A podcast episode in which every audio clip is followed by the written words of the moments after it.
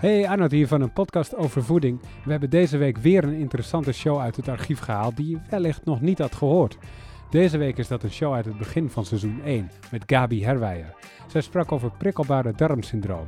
En de eerste belangrijke vraag was natuurlijk, wat is het eigenlijk? Ja, dat zijn buikklachten. Waar geen medische reden voor, voor is of wordt gevonden. Ehm, dus er is aantoonbaar niks aan de hand van binnen. Ehm, maar je hebt wel klachten.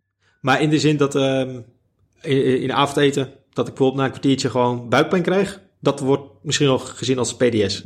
Bedoel je dat? Nou, er zijn zeker wel, eh, zo simpel is het niet. Er zijn wel criteria voor hoe je PDS kunt diagnosticeren. Hè. Heel, wat heel vaak wordt gedacht is, ik heb niks of er wordt niks gevonden, dus dan heb ik PDS. Dat is niet zo. Je kunt het wel degelijk, zijn er criteria om het te diagnosticeren. Maar die criteria die zijn echt afhankelijk van jouw klachten. En niet dat we een bloedtest doen of van binnen kijken met een cameraatje, zien dat er iets beschadigd is, iets niet, niet goed is. Ehm, en dan, dan krijg je die diagnose PDS. Dat is niet zo. We hebben wel criteria. Um, zijn eigenlijk, ja, we noemen het ook wel eens functionele buikklachten. Functioneel buikklachten. Maar als ik even ja. goed begrijp, dat um, ik, heb, ik, ik, ik eet wat, s'avonds, ik krijg buikpijn. Dat heb dus niet direct dat ik zeg, oh, ik heb dan PDS. Nee. Nee. Maar wanneer moet er een lampje branden bij mij dat ik wel denk van, hé, hey, uh, ik heb wel structureel vaker buikpijn. Uh, yeah. Bij ochtend, middag of avond, of misschien alleen maar bij avondeten. Wanneer yeah. zeg je van, hé, hey, dat is even een punt. Nou, als het, nou, ik denk wat je zegt structureel. Dus bijvoorbeeld als het drie maanden aanhoudt en het komt echt wel wekelijks voor. Um, nou, dat is wel een reden om naar je huisarts te gaan, bijvoorbeeld. Oké, okay. ja. en uh, zijn er bepaalde ja, buikpijn is voor de een misschien steken in de buik, de ander een opgeblazen gevoel. Is daar nog yeah. iets, iets algemeens over te zeggen of kan het op verschillende manieren geuit worden? Nou, dat kan op verschillende manieren geuit worden. Sommigen hebben kramp, sommigen hebben zeurende pijn, sommigen hebben alleen een hele opgeblazen buik. Ik zeg alleen, maar dat kan heel erg vervelend zijn. Want ik zie foto's van cliënten die uh, ja, acht maanden zwanger lijken, zo opgeblazen. Um, sommigen hebben veel, veel meer last van hun ontlastingspatroon. Die heel wisselend is, of juist heel erg diarree of obstipatie, heel hard of heel zacht. Um, uh, ja, krampen, winderigheid, boeren kan ook, misselijkheid. Dus het is echt, uh, ja, van mond tot kont kun je last krijgen. Van mond tot kont, oké. oké, okay. en uh, even nog naar de, de naamgeving van prikkelbare darm. Dat, yeah. Ik vind het op zich een hele grappige naam van uh, een syndroom. Dat, dat is dus niet een ziekte dan, zeg maar. Dus nee. het is meer, het komt op of ja. Ja, het, het is ook een verzamelnaam, hè? Of nou, ja, ik zei net al even functionele buikklachten, maar je hebt bijvoorbeeld ook functionele maagklachten. En prikkelbare darm is daar eigenlijk uh, dan een onderdeel van. Um, je ziet ook vaak als je op prikkelbare darm zou googlen, je kijkt naar de afbeeldingen, dan zie je van die plaatjes van een darmstelsel met prikkeldraad eromheen verweven, zeg maar. Um, als soort cartoonachtig. Maar dat is het echt. Die darmen ja, zijn geprikkeld, reageren sneller. Um, vroeger werd het de spastische darm genoemd. Dat, is, uh, dat hoor ik zeker nog wel eens in de praktijk, maar die term gebruiken we uh, in de geneeskunde nu wat minder. Mm -hmm. um, Oké, okay, dus, dus, dus, dat, ja, sorry. Ja, nee, dus oké, okay, dus ik heb zeg maar, uh, zeg een drie maanden lang heb ik verschillende momenten van de dag na het eten of drinken heb ik last van mijn buik of het uitzicht in uh, boeren of uh, krampen. Dan Ga ik in eerste instantie naar een dokter of ga ik gelijk echt met een diëtist contact opnemen? Nee, ik zal altijd eerst even naar je huisarts uh, gaan, want er moeten uh, eerst wel even wat dingen uitgesloten worden of er niet iets ernstigs aan de hand is voordat je de diagnose PDS kan krijgen. Um, en dat kan de huisarts doen met dat bloedonderzoek. En als die je toch niet helemaal vertrouwt, kan die je doorsturen naar een maag-darm-leverarts. Um, maar als er niks aan de hand lijkt te zijn en je voldoet aan een paar criteria, die diagnosecriteria, dat zijn de Rome 4 criteria. Dan Sorry, kan daar, de Romer 4? De Rome 4 criteria. Rome omdat daar alle experts bij elkaar zijn gekomen. En 4 omdat het uh, versie 4 is. Oké, okay, dus het zijn niet even dat we nu die vier uh, criteria kunnen af, afvinken? Nou, we kunnen ze wel... Uh, jawel, het zijn er niet zoveel.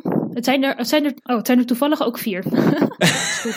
Want eerst waren het de Rome 2 criteria bijvoorbeeld. Oké, maar um, oké, nou ik vind het op zich wel uh, interessant. Dus we hebben dan zeg maar vier criteria. Uh, die worden gecheckt door de dokter. Ja. Of er een diagnose wordt gesteld of je dus PDS he hebt. Oké, cool. Nou, laten we zeggen criteria 1. Criteria 1.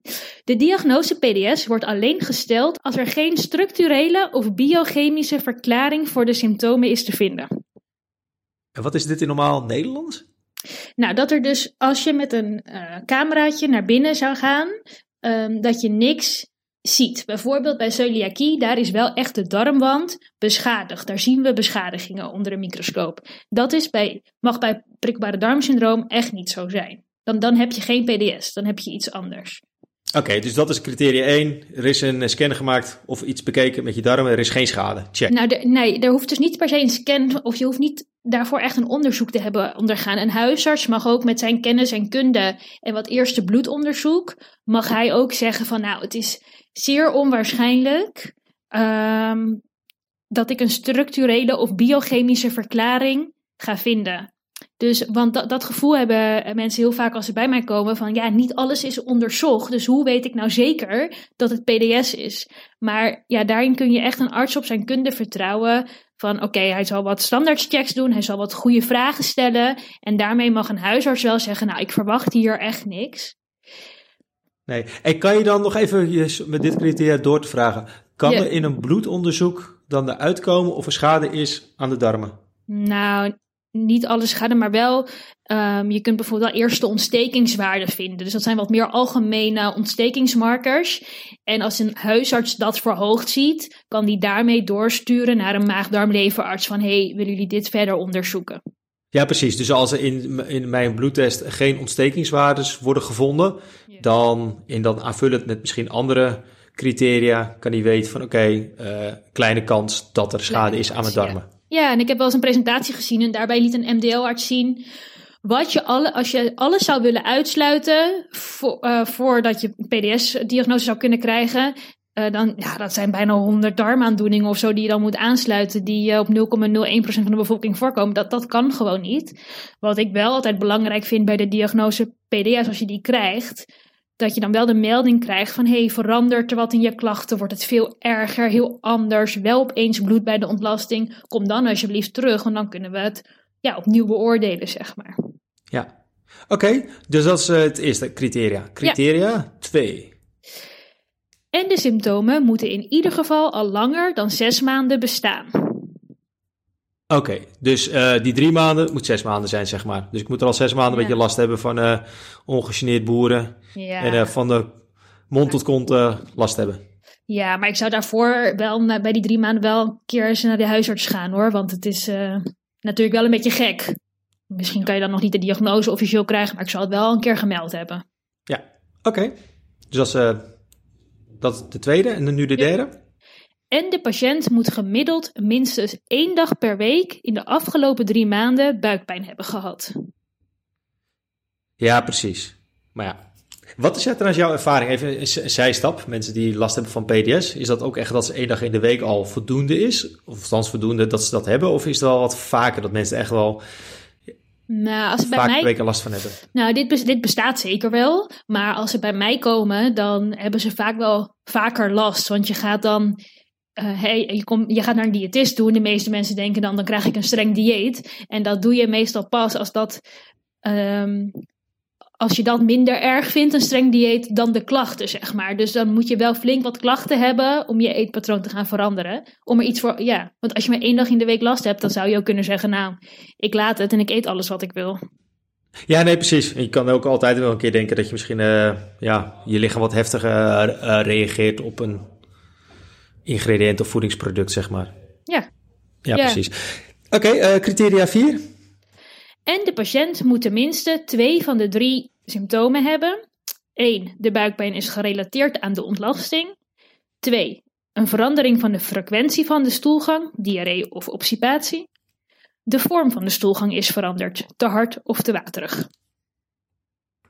Ja, precies. Oké, dus dat heeft eigenlijk puur te maken met de ontlasting. Dat is ook dus een vierde criteria die mee wordt gewogen in de diagnose, heb je PDS of niet? Precies.